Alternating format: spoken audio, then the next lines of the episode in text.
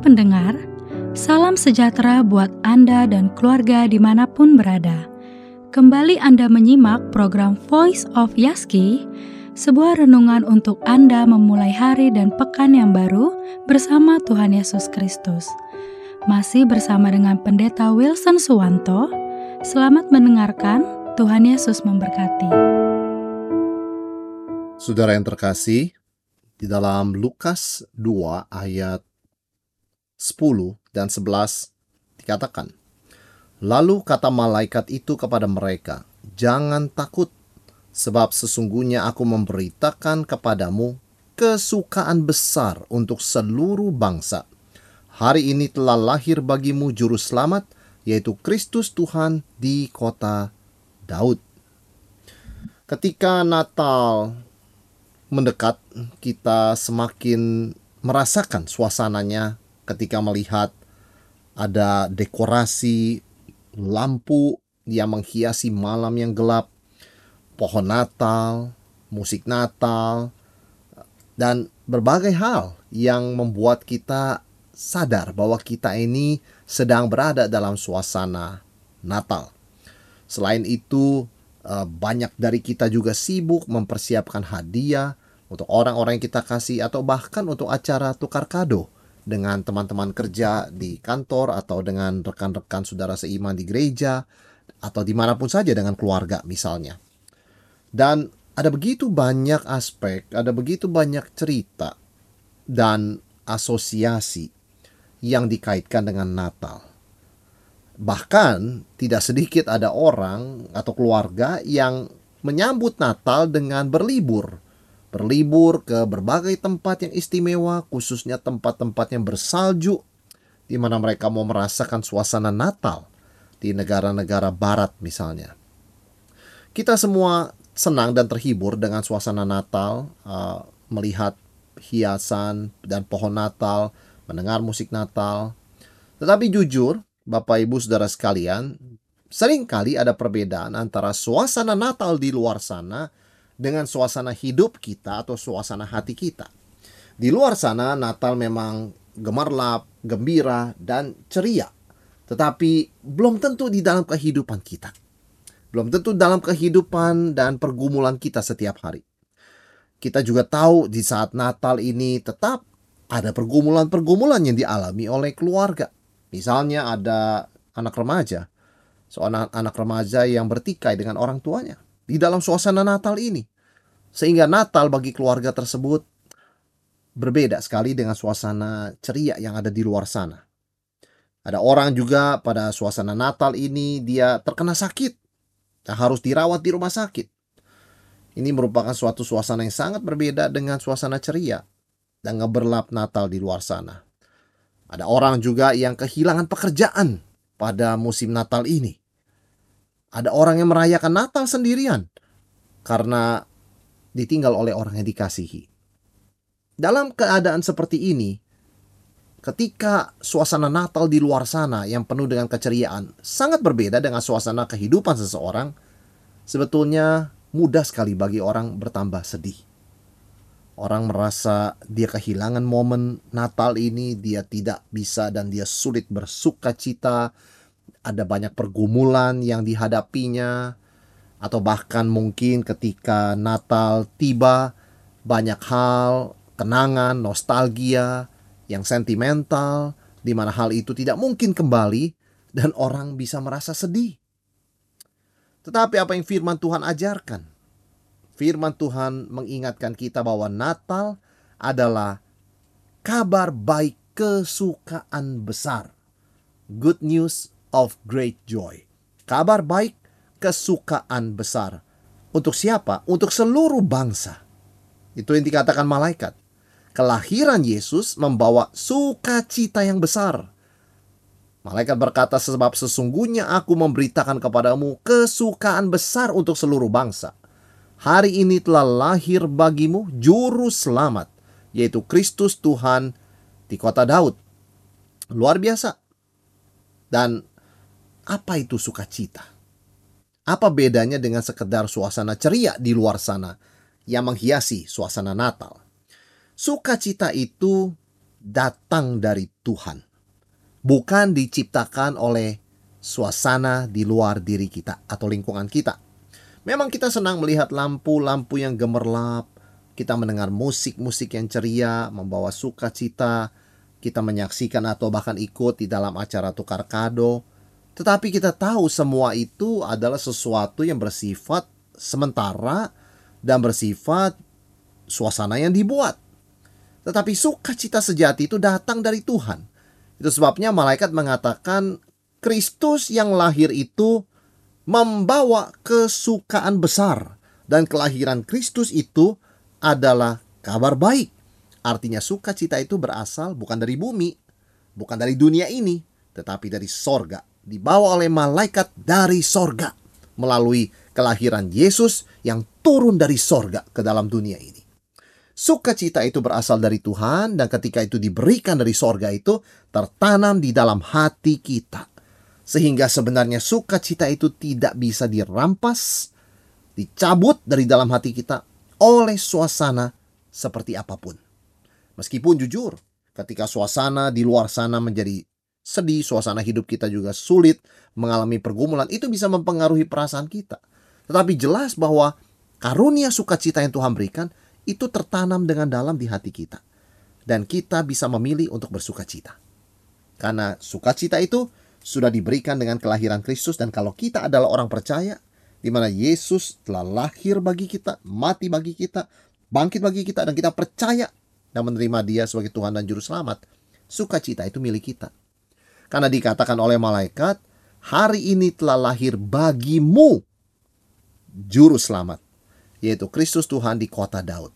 Kalau kita percaya, peristiwa yang Yesus lakukan, baik itu kelahiran, kematian, kebangkitan, adalah dia lakukan bagi kita secara pribadi dan orang-orang percaya lainnya. Maka sesungguhnya keselamatan, sukacita itu adalah milik kita. Nah, bagaimana kita bisa menikmati sukacita Natal yang sejati? Di tengah mungkin suasana hidup yang penuh dengan tantangan dan kesulitan, mungkin di tengah air mata, di tengah pergumulan, bagaimana kita bisa menikmati sukacita Natal? yang bukan sekedar suasana ceria di luar sana yang bersifat fenomena dan bersifat dangkal tetapi betul-betul sukacita yang dibawa oleh kelahiran Kristus yang datang dari sorga dan diberikan ke dalam hati kita. Yang pertama rahasia menikmati sukacita Natal adalah bersyukur. Malaikat berkata kepada para gembala, "Jangan takut." Mengapa jangan takut? Intinya pesan malaikat kepada para gembala adalah Tuhan bukan melawan kamu, tetapi Tuhan adalah untuk kamu dan bersama kamu. Yesus lahir untuk kamu, telah lahir bagimu. Juru selamat yaitu Kristus Tuhan di kota Daud. Kita bisa bersuka cita ketika kita ingat Tuhan itu adalah Tuhan yang melakukan segala sesuatu untuk kebaikan dan keselamatan kita. Tuhan itu bukanlah hadir untuk mencari kesalahan kita, untuk menghukum kita. Mudah sekali kalau dia mau melakukan itu. Untuk apa dia susah-susah mengirimkan anaknya kalau dia mau menghakimi dan menghukum kita? Tentu dia sudah bisa lakukan itu karena kita pun lahir di bawah kuasa dosa. Tetapi Tuhan ketika dia mengirimkan Yesus Kristus mengabarkan berita Natal ini adalah untuk memberitahu kepada kita orang berdosa bahwa segala yang Tuhan lakukan, segala yang Yesus lakukan adalah untuk kebaikan dan keselamatan kita. Karena itu jangan takut. Karena itu bersyukur. Apa pun situasi kita, kita bisa belajar bersyukur dan ketika hati kita dipenuhi ucapan syukur, maka mengalirlah sukacita. Memang tidak mudah untuk bersyukur, bisa bersyukur untuk hal-hal yang tidak baik. Bersyukur untuk hal yang baik, untuk berkat, Jelas itu mudah. Tetapi untuk koreksi, untuk teguran, untuk pelajaran berharga, kita juga perlu belajar bersyukur. Dan ketika kita sanggup bersyukur dalam segala keadaan, maka dengan sendirinya kita juga mengerti dan bisa bersuka cita. Ini adalah sebuah prinsip yang penting yang yang kita perlu pegang. Kenapa sering kali kita kehilangan sukacita? bukan karena suasana di luar sana sendu atau suasana hidup kita semata-mata penuh dengan tantangan kesulitan, kita tahu bahwa ada banyak orang, ada beberapa orang di dalam kesulitan dia pun tetap bisa bersuka cita.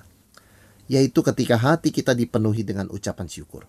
Dan ucapan syukur bukan hanya untuk hal-hal yang kita rasa membuat hidup kita itu mudah, tetapi juga untuk kesulitan-kesulitan hidup ini. Ada seorang Kristen bernama Corey ten Boom yang pernah ditawan oleh pasukan Nazi di bawah Hitler, ditahan di kamp konsentrasi. Dia adalah seorang Belanda karena dia tidak setuju dengan Hitler, maka dia ditahan bersama dengan narapidana narapidana wanita lainnya di kamp konsentrasi. Dan sering kali di tenda-tenda itu tentara Nazi datang untuk menggoda dan melakukan pelecehan terhadap para wanita ini. Dan di dalam tendanya Cory Ten Boom itu sangat ramai, panas, dan banyak kutu. Tetapi anehnya, mereka bisa mengadakan pemahaman Alkitab secara diam-diam. Tidak diketahui oleh tentara Nazi. Seringkali tentara Nazi masuk ke tenda-tenda wanita untuk melakukan pelecehan dan juga menemukan pelanggaran. Mereka para wanita yang bersama dengan Cory Ten Boom di tenda ini bisa mengadakan pemahaman Alkitab dan juga bisa menyelundupkan Alkitab. Dan herannya, mengapa tenda mereka tidak pernah dikunjungi oleh tentara Nazi untuk dilecehkan? Mengapa? Karena ternyata tenda mereka itu banyak kutu. Maka seorang wanita di tenda itu berkata dan berdoa, "Tuhan, terima kasih untuk segala sesuatu, termasuk untuk kutu." Kutu adalah sesuatu yang kita tidak suka. Kutu adalah tanda sebuah tempat tidak bersih. Dan sebisa mungkin tempat tinggal kita jangan ada kutu apalagi di tempat tidur kita. Tetapi bahkan dalam situasi yang sulit sekalipun di mana manusia para wanita itu harus hidup dengan kutu. Ternyata ada berkat Tuhan. Yaitu karena tenda tersebut terkenal dengan banyaknya kutu, tentara Nazi tidak menghampiri tenda tersebut. Sehingga para wanita bersama Cory Ten Boom itu bisa dengan bebas belajar firman Tuhan dan tidak pernah mengalami pelecehan. Tuhan bisa memakai hal-hal yang biasa kita anggap menyebalkan seperti kutu untuk menyelamatkan kita dari malapetaka seperti dari tentara Nazi. Hal-hal yang kita anggap tidak baik Tuhan izinkan sebetulnya untuk mencegah dan menjaga kita dari hal yang jauh lebih buruk maka kita bisa bersyukur untuk keadaan yang sulit sekalipun. Karena kita tahu keadaan bisa jauh lebih sulit. Dan di dalam hikmatnya, Tuhan mengizinkan kesulitan untuk mencegah dan melindungi kita dari kesulitan yang lebih besar. Dan kalau kita bisa bersyukur bahkan dalam keadaan seperti itu, pasti sukacita mengalir dalam hati kita. Dan itulah esensi sukacita yang dibawa melalui kelahiran Tuhan Yesus pada hari Natal. Perhatikan, adakah orang yang bersyukur tanpa bersukacita? Tidak mungkin. Kalau dia sungguh bersyukur, dia pasti melakukannya dengan sukacita. Dan adakah orang yang tidak bersyukur? Adakah orang yang mengeluh? Itu bisa bersukacita? Tentu tidak. Kalau ada orang berkata, saya begini-begini aja hidupnya, saya mau bersyukur apa? dia tidak mungkin bersuka cita karena dia tidak bisa bersyukur. Jangan lupa bahwa hidup kita yang biasa-biasa itu tidak biasa. Ada campur tangan Tuhan menjaga memelihara hidup kita meskipun mata kita hanya mau melihat hal-hal yang bersifat materi dan glamour. Tetapi ada banyak hal kita bisa bersyukur. Kita sering kali hanya berpikir bersyukur untuk harta benda. Kita lupa bersyukur untuk orang pribadi-pribadi yang Tuhan taruh dalam hidup kita. Di dalam Filipi 1 ayat 3 sampai 4 kita bisa belajar dari Rasul Paulus yang dipenjara. Dan di penjara dia menulis surat Filipi, surat yang penuh dengan sukacita dan apa rahasianya, apa yang dia syukuri di tengah kondisi di penjara. Di mana dia tidak bisa tidur dengan nyaman, tidak bisa makan dengan enak, dia dia tidak mendapat cahaya matahari yang seharusnya, bagaimana dia bisa bersuka cita? Bukan dengan menghitung jumlah harta benda. Yang jelas di penjara dia tidak dapat apa-apa, tapi dengan menghitung berkat Tuhan di masa lalu melalui orang-orang yang Tuhan taruh dalam hidupnya. Maka dalam Filipi 1 ayat 3 sampai 4 Paulus berkata, "Aku mengucap syukur kepada Allahku setiap kali aku mengingat kamu." Kenapa Paulus bersyukur? Ketika dia mengingat orang-orang di Filipi. Nah, setiap kali aku berdoa untuk kamu semua, aku selalu berdoa dengan sukacita. Jadi, Bapak Ibu Saudara yang terkasih, jangan lagi mengatakan hidup saya begini-begini saja, ekonomi begini-begini saja. Jangan. Karena ucapan syukur kita bukan semata-mata berdasarkan harta benda dan uang, tetapi juga berdasarkan orang-orang yang Tuhan taruh dalam hidup kita. Bersyukurlah kepada Tuhan untuk mereka. Bersyukur ketika kita berdoa mengingat mereka. Dan bersuka cita ketika kita mendoakan dan bersyukur untuk mereka. Dan ini Problemnya memang kita sebagai manusia lebih mudah mengingat dan memikirkan hal yang negatif daripada mengingat dan mensyukuri segala berkat yang Tuhan berikan di dalam segala kelimpahannya. Maka marilah kita kembali kepada esensi Natal. Yesus datang dan itu adalah sebuah sukacita besar. Sukacita besar itu hanya ada dalam Kristus, bukan dalam suasana di luar sana dengan segala lampu yang gemerlap, dengan segala musik yang meriah. Sukacita sejati dibawa oleh kelahiran Kristus. Dan ketika kita terima Yesus, sukacita itu tertanam dalam hati kita. Apa pun situasi kita, kita bisa bersukacita. Dan kebiasaan yang kita harus bangun untuk boleh bersukacita senantiasa adalah mengucap syukur senantiasa. Baik untuk hal yang baik, maupun untuk hal yang kurang baik. Karena yang kurang baik sekalipun pada akhirnya adalah membawa kebaikan yang sangat besar bagi kita. Karena Tuhan mengasihi kita, hari ini telah lahir bagimu juru selamat, yaitu Kristus Tuhan di kota Daud. Yesus lahir untuk kita, dia mati untuk kita, dia bangkit untuk kita. Dialah sukacita kita. Dan untuk itu, kita mau belajar bersyukur senantiasa untuk segala sesuatu supaya kita boleh sungguh merasakan dan mengalami sukacita besar, kesukaan besar yang dibawa melalui kelahiran Yesus Kristus. Kabar baik bagi seluruh dunia, termasuk bagi kita. Demikian tadi Voice of Yaski bersama Pendeta Wilson Suwanto. Anda bisa kembali mendengarkan episode kali ini melalui Spotify Voice of Yaski atau Anda juga dapat mendengarkan, membagikan, bahkan mengunduh episode-episode Voice of Yaski lainnya melalui podcast Yaski di podcast.yaski.co.id. Terima kasih sudah mendengarkan. Salam sehat selalu dan Tuhan Yesus memelihara Anda dan keluarga.